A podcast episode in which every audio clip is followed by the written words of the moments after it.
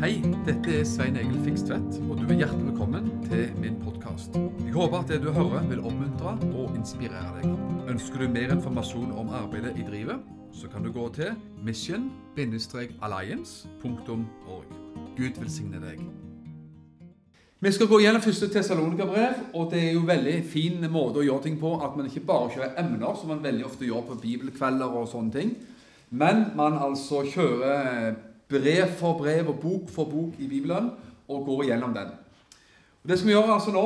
Første Tessalonikerbrev, og vi skal prøve å, som sagt, å holde tida ganske nøye. Og eh, jeg tror vi kommer til å lese faktisk hvert eneste vers i første Tessalonikerbrev. Jeg håper ikke det blir eh, slitsomt. Der har vi det på skjermen. Og eh, Nå skal vi ha litt innledning først, da, og så tar vi vers for vers egentlig, og sier litt om det. Og så har vi gått igjennom boka på en måte som jeg håper skal være til, til, til nytt, god nytte. da. Første Tessalonikerbrev den ble jo skrevet av apostelen Paulus. Og er skrevet, regner man med, i år 50, og man regner med at det er det første brevet i Det nye testamentet. Det er interessant i seg sjøl, og, og, og, og, ikke minst bakgrunnen for brevet. Det skal vi se litt på også ganske snart. Ting som går igjen i brevet, det er at han, eh, Paulus han er letta og glad over menighetens åndelige stabilitet og vekst.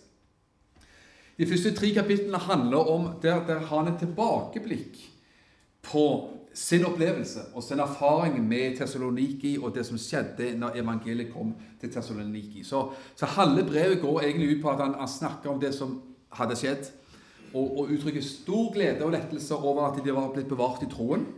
Fordi når Paulus var der, og det skal vi også lese faktisk eh, Når evangeliet kom til Tessaloniki, så brøt det, som alltid nesten, ut forfølgelse og spetakkel. Det gjorde det. Paulus og hans folk måtte fly fra, fra byen. Og Paulus da var veldig, liksom, i positiv forstand, engstelig og bekymra eh, over tilstanden til menigheten. For han måtte altså stikke av gårde litt sånn før tida eh, pga. Eh, forfølgelse. Og så var han veldig altså, bekymra over om menighetene hadde klart å ri av stormen og ri av forfølgelsen. Og eh, han uttrykker stor lettelse over at de hadde klart det. Det skal vi gå inn på. La oss heller ta punktene her. Han, eh, det handler om det. Det handler om samlivsetikk og seksuell renhet.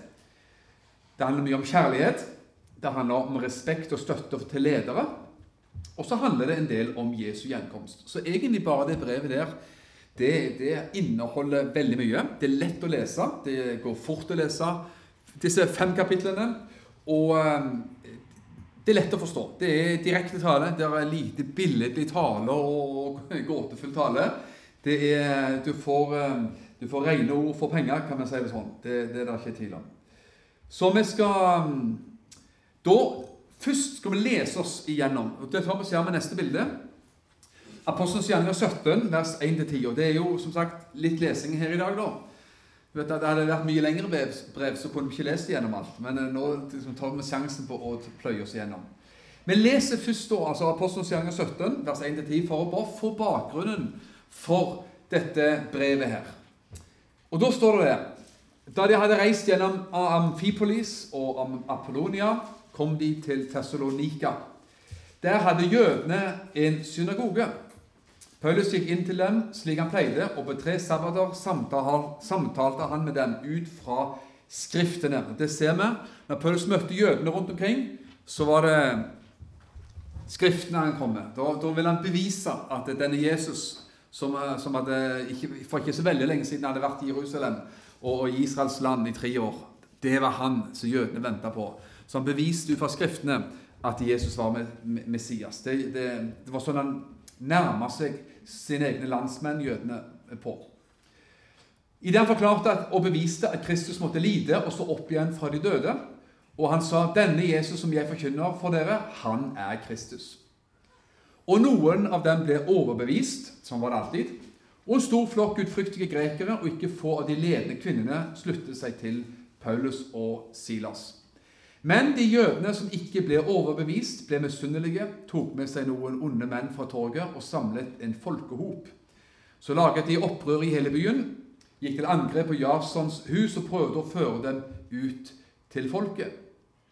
Men da de ikke fant dem, dro de Jason og noen av brødrene med seg til byens dommere og ropte:" Disse menn som har snudd verden opp ned, er også kommet hit. Det er jo et kompliment. Hvis man får det altså her, er det her er det kristne som snur verden opp og ned. Det, det, det ville vært fint å få høre.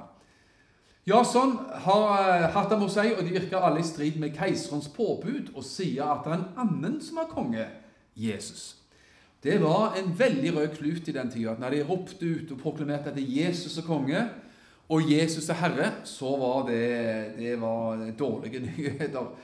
For det var keiseren i Rom som hadde den uh, tittelen. Og Både folkemengden og lederne i byen ble skremt da de hørte dette. Da Jason og de andre hadde gått god for dem, lot de dem gå. Brødrene reise, sendte da straks, da straks samme natt Paulus og Silas av sted til Berøa. Og da de kom dit, gikk de inn til jødenes synagoge. Så da eh, har du liksom en aning om hvordan eh, evangeliet kom til Tessaloniki. Og det var opprør, det var eh, spetakkel og forfølgelse, og Paulus og hans gjeng måtte altså bare stikke av gårde. Og ganske kort tid etterpå, vi vet ikke nøyaktig, men det kan være uker og måneder, muligens et år, men det var kort tid etterpå at eh, Paulus, Paulus skriver dette brevet, første Tessalonikerbrev. Så det er ganske sånn fersk vare i forhold til til at han hadde nettopp vært der og planta en menighet og brakt evangeliet dit. Ja, nå skal du det Nummer fire. Nummer fire. Jeg klarer ikke å se det. Nei, de er, jeg er ikke så flink til å uh, Nei, det gikk noe galt. Jeg skjønner ikke hva som skjedde. med. Ja vel, ok. Med, ja, litt Jo, kapittel 1, ja. Du er helt rett. Så da er vi på samme, samme kapittel her, vet du. Da leser vi, og da går vi rett inn i, um, i første Tessalonikerbrev og bare leser noen vers, og så tar vi det derfra. Det står vet du, i Bibelen 'legg vind på opplesningen av Skriften'. Så, så her vi Skriften, og her har du til og med Skriften på veggen, så det kan ikke bedre bli. Kapittel 1, vers 1. Paulus, Silvanus og Timoteus til Tessalonikernes menighet i Gud Faderen og i Herren Jesus Kristus. Nåde være med dere og fred fra Gud vår Far og Herren Jesus Kristus. Vi takker alltid Gud for dere alle og nevner dere i våre bønner. Vi husker alltid deres gjerning i troen og deres arbeid i kjærligheten og tålmodighet i håpet på vår Herre Jesus Kristus framfor vår Gud og Far. Og vi vet, elskede brødre, at dere er utvalgt av Gud. For vårt evangelium kom ikke til dere bare i ord, men også i kraft og i Den hellige ånd, med full visshet, da dere vet hvordan vi var hos dere.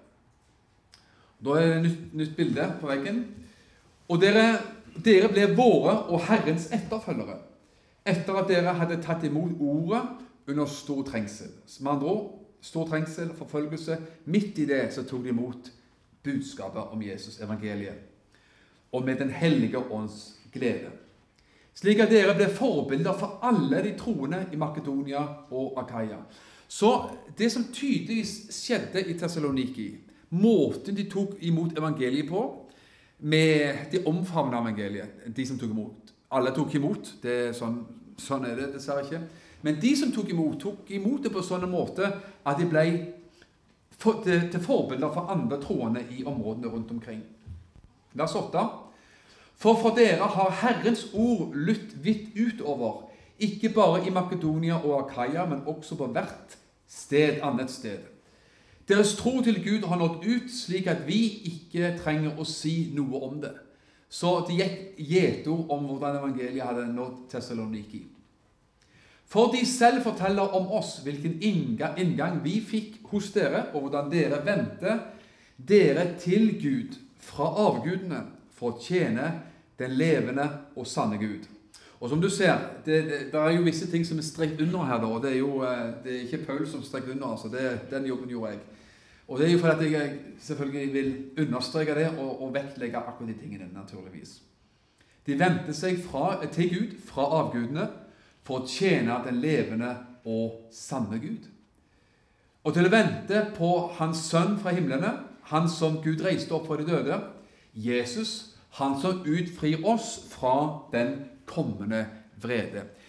Allerede her så ser man mange ting, hvordan de tok imot evangeliet. Paulus liksom ser tilbake igjen, og om du vil mimre på hvordan evangeliet hadde nådd eh, tessalonikerne, og hvordan de hadde tatt imot. På en sånn forbilledlig måte. Og de altså vendte bort fra avgudene for å tjene den levende og sanne Gud. Da kan vi gå til eh, et nytt bilde. Og Da har jeg lyst til å bare oppsummere litt. Hva var det som gjorde at evangeliet slo rot i Thessaloniki, ut fra de vers som vi nå har lest? Så sier Paulus i eh, vers 5 så sier han, evangeliet kom til dere ikke bare i ord. Kom jo, de kom i ord, for at det, altså, det formidles med ord. Man må jo preke. Du hører mine ord nå. Men det kom ikke bare i ord. Det kom, som han sier, i kraft. I tegn under, med andre ord. Det kommer inn Helligånds kraft. Og så sier Paulus enda en ting. For han sier dere vet hvordan vi var hos dere, sa han. Ikke sant? Hvordan vi levde, og hvordan vi var hos dere. Og Det er kolossalt viktig å se de tingene der sånn. At eh, Tre ting som gjør, tror jeg, at evangeliet vil slå rot og vil nå nye steder, det er at vi forkynner evangeliet om Jesus. Evangeliet om Jesus er enkelt, på en måte. Det er Jesus som døde for vår synd, Stå opp, eh, døde, ble gravlagt, stå opp igjen for de døde. Eh, for opp til himmelen. Sant? Sitter var Guds, Gud Faders høyre hånd. Nå var jeg nesten inne i den apostoliske trosbekjennelse. Altså, Evangeliet om Jesus det er vårt budskap. Det er kjernen i vårt budskap, og det trenger alle mennesker å høre.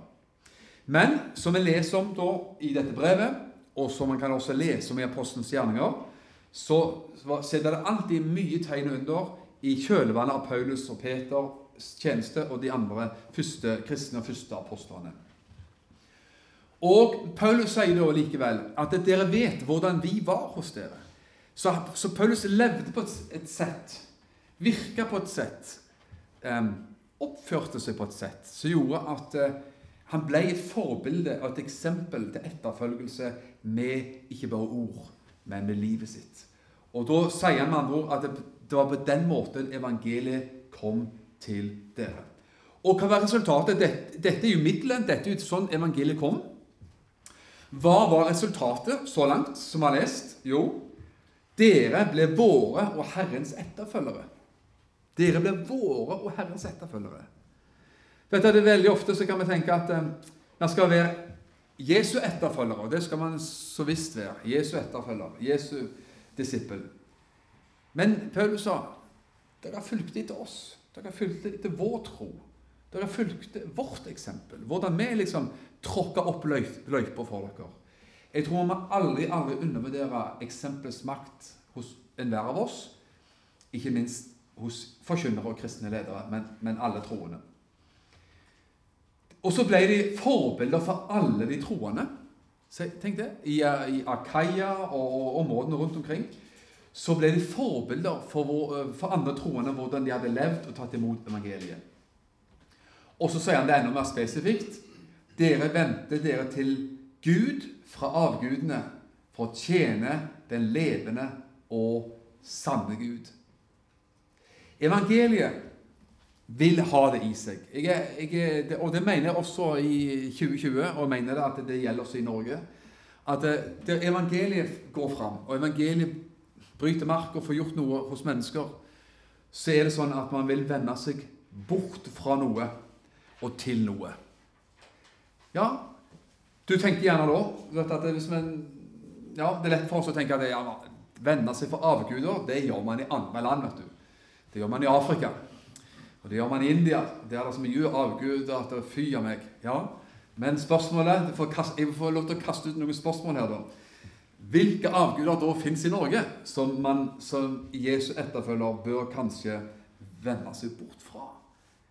Vet du hva, Det er få ting som jeg elsker så mye. Jeg har fått lov til å reise til forskjellige land, som jeg nevnte, og se hvordan mennesker har møtt Jesus, har tatt imot evangeliet og vender seg bort fra det livet de hadde før avgudsdyrkelse og mye, mye annet. Det er få ting som gir livet mer mening enn å se når evangeliet forandrer mennesker på det viset.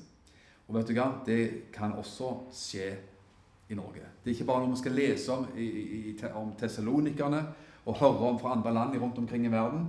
Det er noe som også gjelder hos oss i dag. Vi skal gå videre. Vi går til kapittel 2. Og um, vi leser oss litt videre. For dere vet jo selv, brødre Igjen så har Paulus dette tilbakeblikket og, og snakker med dem i brevs form om hvordan evangeliet altså kom til dem. Og Paulus går mer inn på nå. Når han snakket om hvordan evangeliet, hvordan de hadde tatt imot, hvordan de hadde respondert og omvendt seg osv. Nå snakker Paulus i kapittel 2 litt mer om hvordan det så ut fra hans side. Hans motiv, hans hensikt, hans eh, måte å tenke på, hans måte å føle på, hans måte å tjene Gud på. Og jeg må si at Det første Tessalonikerbrev er egentlig et veldig varmt brev. Der vi ser et varmt misjonshjerte i Paulus. Han, du merker han har sånn et bankende hjerte. Varmt, stort, mykt, bankende hjerte for sine nye, relativt i hvert fall, nye venner i Tessaloniki. Og uh, Man får liksom kontakt med hjerterota til Paulus på en fantastisk måte. Og Da sier han da videre, for dere vet jo selv, brødre, at den inngangen vi fikk hos dere, ikke var forgjeves. Men selv like etter at vi hadde lidd og blitt nedverdigende behandlet i Filippi Det kan vi også lese om i kapittel 16 i Apostelens gjerninger. Slik dere vet, var vi frimodige i vår Gud til å tale Guds evangelium til dere under stor kamp. Altså, det var kamp, det var motstand, men det var opprør, og det var mye, mye bråk og fare. Og midt i det så hadde de det motet til å forkynne evangeliet. For vår formaning kom ikke av villfarelse eller urenhet, og den var heller ikke preget av svik. Nå er Paulus ganske fremodig på egne, veier, eh, egne, egne vegne. Når han sier at det er min forkynnelse, og sånn som jeg har levd Han vedkjente seg sånn som han hadde levd. Han var ikke en beskjeden nordmann og beskjeden sørlending, men han sa at jeg, jeg, jeg vedkjenner meg å stå inne for sånn det jeg har prekt, og måten jeg har levd og gått fram på, faktisk. I verste fall, hvis, skal, hvis vi skal tolke det vrangt, så kan man si at Paulus eh, har mye selvskryt. Jeg tror at han var bare ærlig. Enkel og greit, enkel og greit fremodig og ærlig. Han sier for vår formaning, vers 3, kom ikke av villfarelse eller urenhet, og den var heller ikke preget av svik. Men ettersom vi var blitt prøvd av Gud og blitt betrodd evangeliet, så taler vi også ikke for å tekkes mennesker, men Gud, som prøver våre hjerter. Altså, det var noe med det at han sto til rettes for Gud. Han gjorde så godt han kunne for mennesker, hyret ting som gjorde at ting ble vrangt og vanskelig for folk. Men han var fremodig på evangeliets vegne. Og både disse versene og andre vers forteller oss at Paulus ville leve et liv med integritet, med troverdighet, med, med, med ordentlighet. Ikke perfekthet, for Paulus, verken Paulus eller du og meg er perfekt. Men han ville at det skulle være skikkelig, og det skulle være troverdig. Og han, han eh, klipte ikke av kantene på evangeliet heller. Så, han, så taler vi altså ikke for å tekkes eller for å behage mennesker, men Gud, for, vi taler for å behage Gud, som prøver våre hjerter. For ikke på noe tidspunkt brukte vi smigrende ord. Ok? Som dere vet. Og heller ikke brukte vi noe dekke for grådighet. Gud er vårt vitne. Ikke smiger og smisk. Heller ikke grådighet og prøve å slå mynt på folk, utnytte folk osv. Jeg må si at jeg, jeg, liker å høre det Paulus sier, og håper at han skal være et forbilde for både du og meg. Så sier han vi søkte heller ikke ære av mennesker, verken fra dere eller fra andre selv om vi som Kristi apostler har rett til å opptre med tyngde, sier han. Så han sa at han var, Du kan se hvordan han er fremodig på egne vegne når det gjelder hvordan han hadde, han hadde gått fram, ikke for å smiske, ikke for å smigre, ikke grådighet. Når man forkynner evangeliet, når man er en kristen leder eller har en flytelse på andre mennesker, så må man være, gå klar alle sånne tulleting og, og, og kjøre, kjøre, et rent og godt løp. Paulus gjorde det.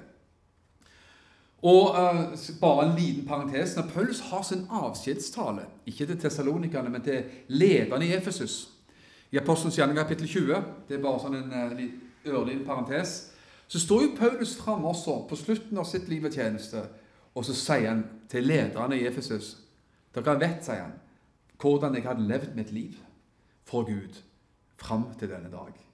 Da er de frimodige. Så sier han bl.a.: Jeg har ikke trakta etter sølv eller gull fra noen. Jeg har ikke vært ute til å utnytte noen verken med makt eller etter penger eller etter noe annet. Men jeg har, jeg har arbeidet med mine hender sånn, og jeg har gjort sånn og sånn og sånn. Jeg har, jeg har stått dag og natt for at evangeliet skulle gå fram og berøre mennesker. For et forbilde det er.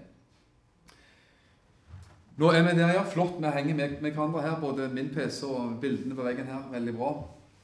Så sier Paulus videre og forteller jo hvordan han tenkte, hvordan han følte, og hva var liksom hans motiv og hensikt med det han holdt på med.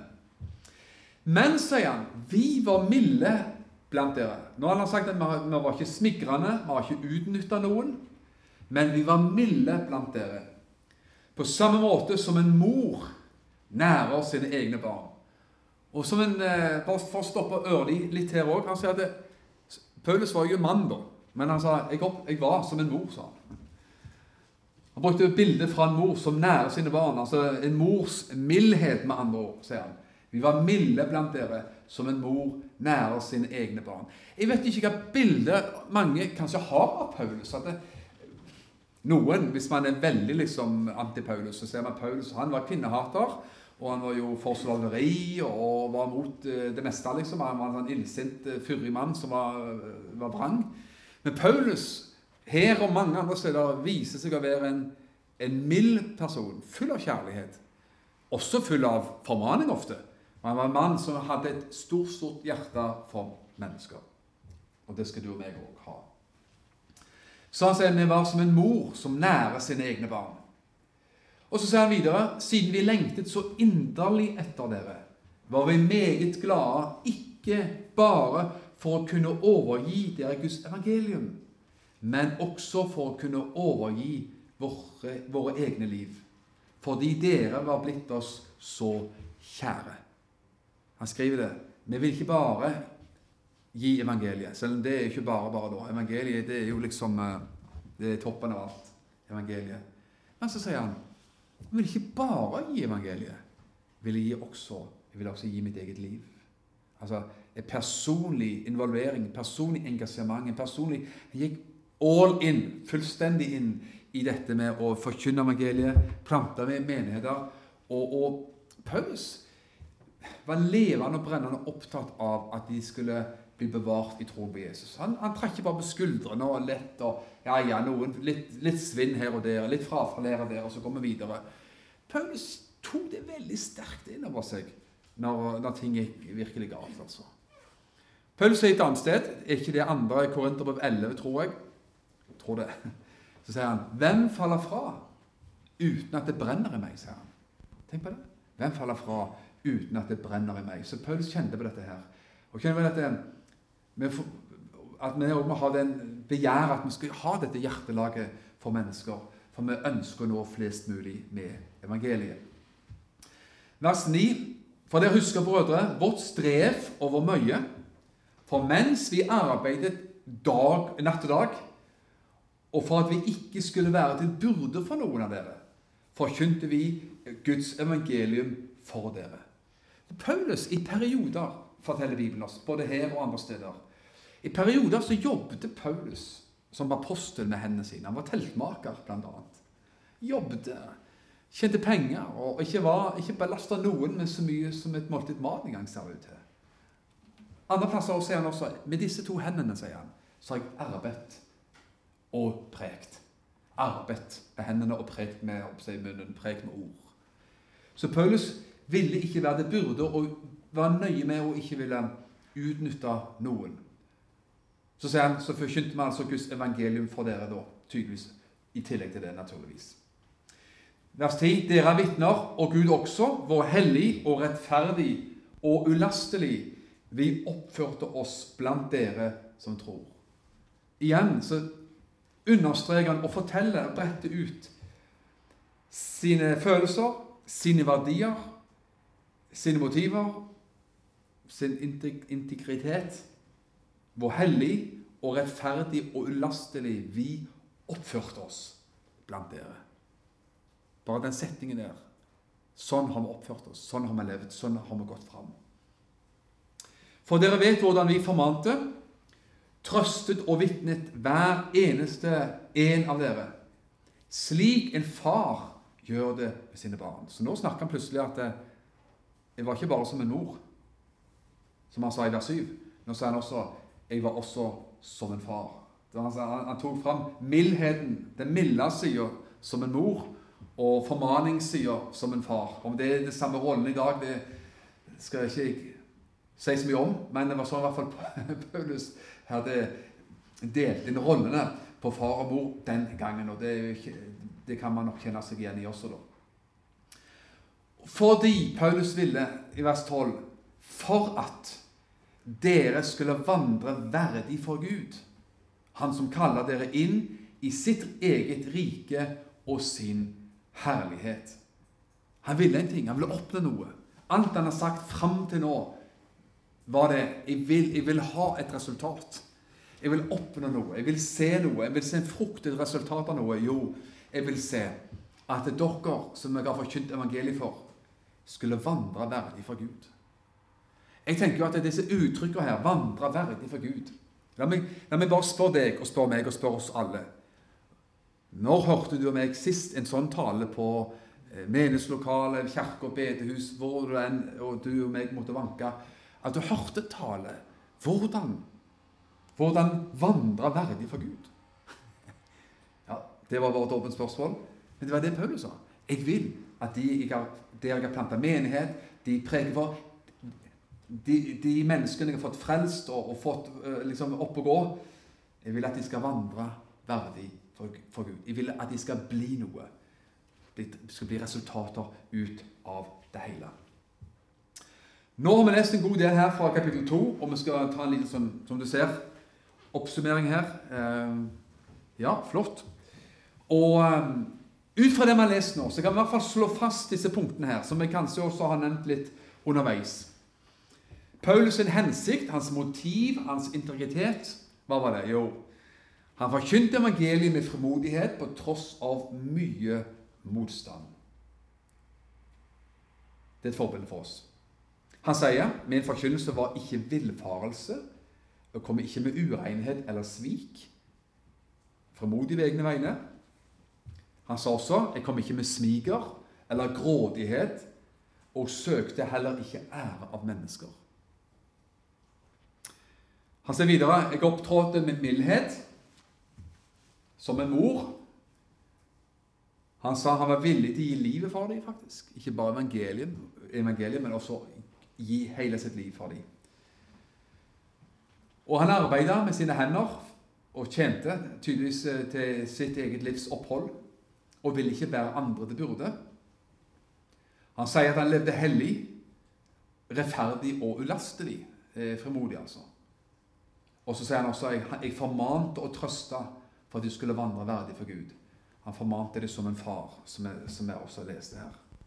Det var noe Og bare ved å lese dette vet du, så, så, får vi jo en virkelig kjennskap inn i Paulus sitt liv. Er du ikke enig i det at det, det er givende å bli kjent med mennesker? Bli kjent med mennesker på, på en personlig måte. Vi, vi kan lese en god del brever i Bibelen. Romerbrevet og ja, alle, alle brevene. Og så finner du veldig mye teologi, lære om forskjellige formaninger, lære og alt mulig. Veldig bra. Men det er jo litt spesielt når du får også litt mer sånn Du får ta forfatteren på pulsen. Du får liksom lære å kjenne hjertebank, hjerteslaget bakom det han skriver. Og det gjør man jo på en veldig sterk og fin måte her i første Tessalonika-brev. Også andre korinterbrev har mye av det samme, egentlig. Altså den personlige Paulus som, som kommer veldig fram i akkurat de to brevene. Men jeg leser videre. Første Tessalonikerbrev, ja, kapittel 2, vers 13. Der står det Av denne grunn takker vi også Gud alltid. For da dere tok imot Guds ord, som dere hørte av oss, tok dere imot det ikke som menneskers ord, men som det i sannhet er Guds ord, det som også er virksomt i dere som tror. For dere, brødre, ble etterfølgere av de Guds menigheter som er i Judea i Kristus Jesus.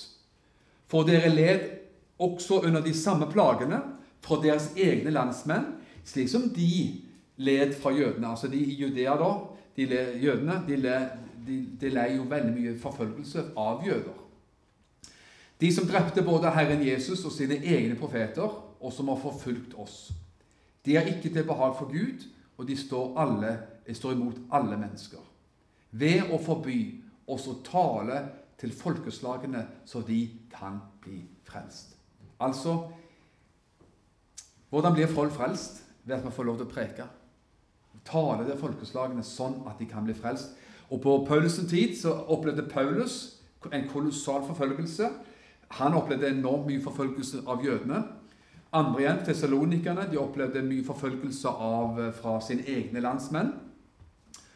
På denne måten oppfyller de, oppfyller de alltid sine synders mål, men vreden har til fulle innhentet dem. Her ser vi Paulus rose tessalonikerne for at de hadde tatt imot evangeliet på tross av veldig hard motstand.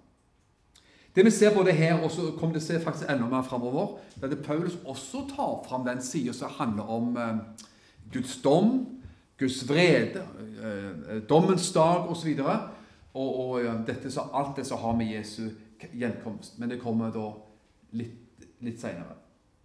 Han sier, vers, eh, vers 17-20 Men vi brødre, etter at vi ble tatt bort fra dere en kort tid Det var det som skjedde. Han måtte flykte fra Tessaloniki pga. forfølgelsen. Så sier han, var vi vel borte fra dere, legemlig, fysisk, men ikke med hjertet. Vi prøvde med enda større iver og med stor lengsel å få se deres ansikt igjen. Derfor ville vi komme til dere. Også jeg, Paulus, forsøkte både én og to ganger, men Satan hindret oss. Med andre ord, Paulus opplevde en kolossal åndskamp.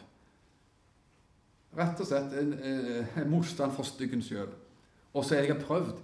Han måtte flykte fra Tessaloniki, men prøvde igjen og igjen. og Jeg må tilbake igjen. Jeg må tilbake igjen, jeg må følge opp arbeidet. Jeg, jeg må eh, finne ut og sjekke opp og passe på at det ikke går over ende med troen sin, midt i den motstand som var. Det ser du igjen Paulus' en iver, hans hengivenhet til å følge opp arbeidet som han hadde starta. Okay? Så sier vers 19.: For hvem er vårt håp, vår glede eller kransen vi kan rose oss av? Er det ikke nettopp dere som skal, eh, som skal stå framfor Herren Jesus Kristus ved Hans gjenkomst? Altså, Paulus visste framfor, En dag når Jesus kommer igjen, når vi står framfor Jesus, så, så, så, skal alle oss egentlig stå fram og med frukt av vårt liv. Frukt av vårt arbeid. Vet du det? Og da har vi alle sammen et stort ønske. Har vi ikke det at det, på grunn av deg og på grunn av meg, så er det andre mennesker som kommer til himmelen. ikke det, det beste som vi kan tenke oss. Det er helt reelt. Det, det, det kommer til å skje en dag. Og jeg tror på det. At en dag når jeg står, kommer inn forbi perleporten altså, Det er ikke noe mer jeg ønsker enn at jeg skal møte mennesker der som er der av at jeg eh, forkynte evangeliet, fordi at jeg var med og ba og ga og gjorde det jeg skulle gjøre. Og det samme gjelder deg. På grunn av at du gjorde, det, du gjorde ditt med ditt liv, så fins det mennesker som du en dag vil møte i himmelen på grunn av det vi gjorde her i Guds tjeneste her på jord. Så reelt er disse tingene. For dere er vår ære og vår glede, sier Paulus. Så igjen og igjen så sier han jeg prøvde å komme til dere, jeg måtte bare finne ut hvordan det gikk med dere.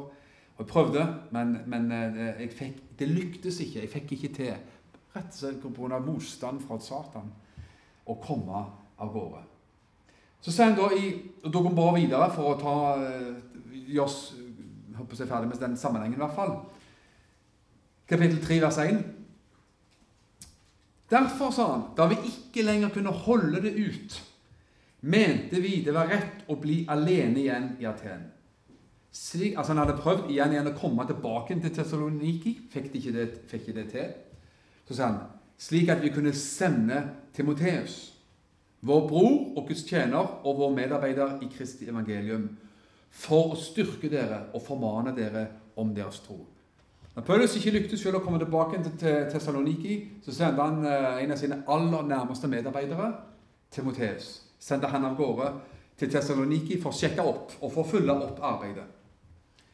Så ingen, vers 3, skulle, stå, skulle stå vaklende i disse trengslene. For dere vet selv at vi er satt til dette. Vi sa det også til dere på forhånd da vi var hos dere, at vi kom til å lide trengsel, slik det også skjedde, noe dere vet. Av den grunn, da vi ikke lenger kunne holde det ut, sendte vi også jeg bud for å få vite hvordan det var med troen deres, om det var slik at fristeren hadde fristet dere på en eller annen måte, og at vårt arbeid hadde vært forgjeves. Jeg syns egentlig det er interessant å se ordbruken til Paulus. Nå er jo selvfølgelig ordbruken jeg håper å si forskjellig fra oversettelse til oversettelse. det skjønner man jo. Men han bruker ord som Satan. Han bruker ord som fristeren. Og fristeren skal ha, liksom, ha fått, uh, fått overtaket og, og friste dere over evne osv. Altså, han, han, bruker et tøft, tøffe ord. Og legg ikke skjul på at det finnes noe som faktisk man kan gjerne kalle for åndskamp rundt mennesker sitt liv osv. Så sånn. Åndskamp rundt dette med å virke for evangeliet. Om det var slik at fristeren hadde fristet dere på en eller annen måte, og at vårt arbeid hadde vært forgjeves. Kan du se det? Paulus ville ikke at hans arbeid i Tessalonike skulle være forgjeves. Han måtte, han måtte, han bare måtte komme av gårde på et eller annet vis og få sjekka opp. Og så sende han Timoteus til slutt for å finne ut hvordan det så ut. Og så sier han, vers 6, Men nå, når Timoteus er kommet til oss fra dere og har brakt oss gode nyheter om deres tro og kjærlighet, og har fortalt at dere stadig har gode minner om oss, for dere har et sterkt ønske om å få se oss igjen, slik også vi ønsker å se dere. Paulus, var kommet tilbake til Paulus med et godt budskap. Og Paulus må ha sagt det til, eh, til Paulus. Kjære Paulus, jeg har vært i Tessaloniki. Det går bra med de nye troende. De har uh, opplevd litt av noen harde, harde tak. Forfølgelse, motstand. Men de, de, står. De står i troen. De står fast i troen. De, de har ikke forlatt troen. Så viktig var dette for Paulus. Og så viktig bør det også være for oss. Vers 7 så fikk vi, vi trøst fra dere ved dette, brødre, ved deres tro, i all vår nød og trengsel. Så Paulus opplevde stadig trengsel, forfølgelse og, og harde tak. Men han sier nå kan vi kjenne med at dette var godt. Dette var trøstens ord når vi har hørt at det går så bra med dere. Og så hører vi dette nydelige uttrykket i vers 8. Nydelige setningen. For nå kan vi leve videre hvis dere står fast i Herren. ikke det fantastisk? Nå kan vi leve videre. Det er som han sier, at nå kan vi puste letta ut. For nå har vi hørt at dere står fast i troen på Jesus. Paulus, var, Paulus la ikke skjul på kontraster i livet. Kraftige kontraster. Enten det var liksom frelse, fortapelse, Gud, Satan, eller hva i all verden det var.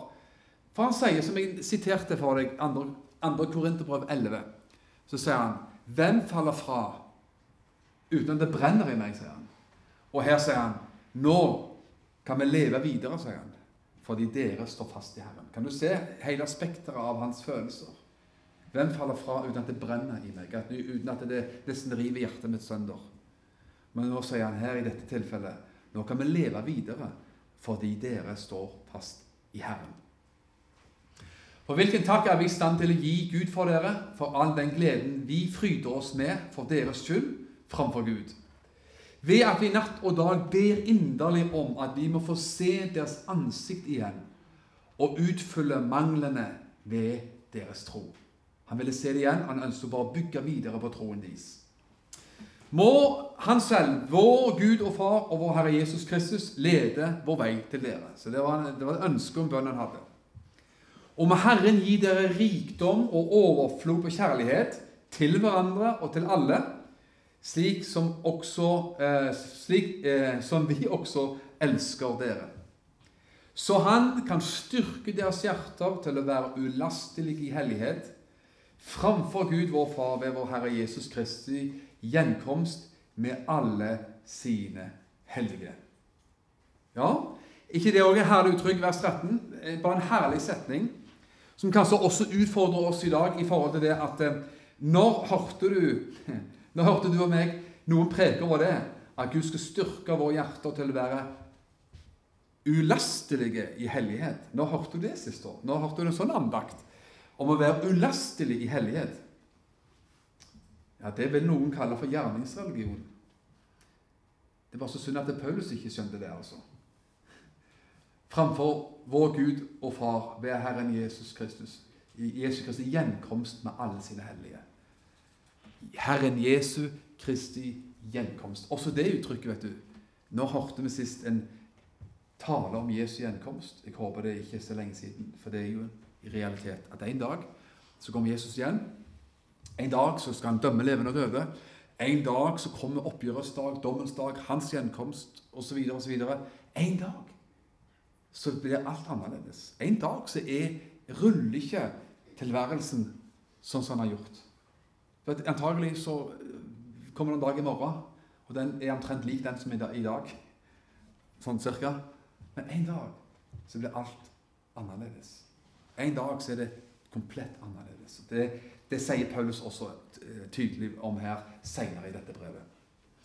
Litt oppsummert igjen her. Her beskriver altså Paulus, her ser vi igjen Paulus' et enorme hjertelag for tessalonikerne. Uh, som jeg har sagt, Han måtte flykte da fra Tessaloniki pga. forfølgelse. Og han merka av lengsel etter å få komme tilbake igjen. Han ville støtte og oppmuntre dem i troen. Og når det ikke lyktes Paulus å dra sjøl, så sendte han Timotees. Og Timotees kom tilbake igjen og kom en nydelig, god rapport om at det går bra med de troende i Tessaloniki. Og Paulus han puster letta ut og ber om at Guds videre velsignelse og beskyttelse over de nye troende. Og han, eh, han ber jo og sier at det må, må, det virkelig lykkes altså oss å få komme til dere. Takk for at du har lytta til denne podkasten. Jeg ønsker deg en velsigna god dag.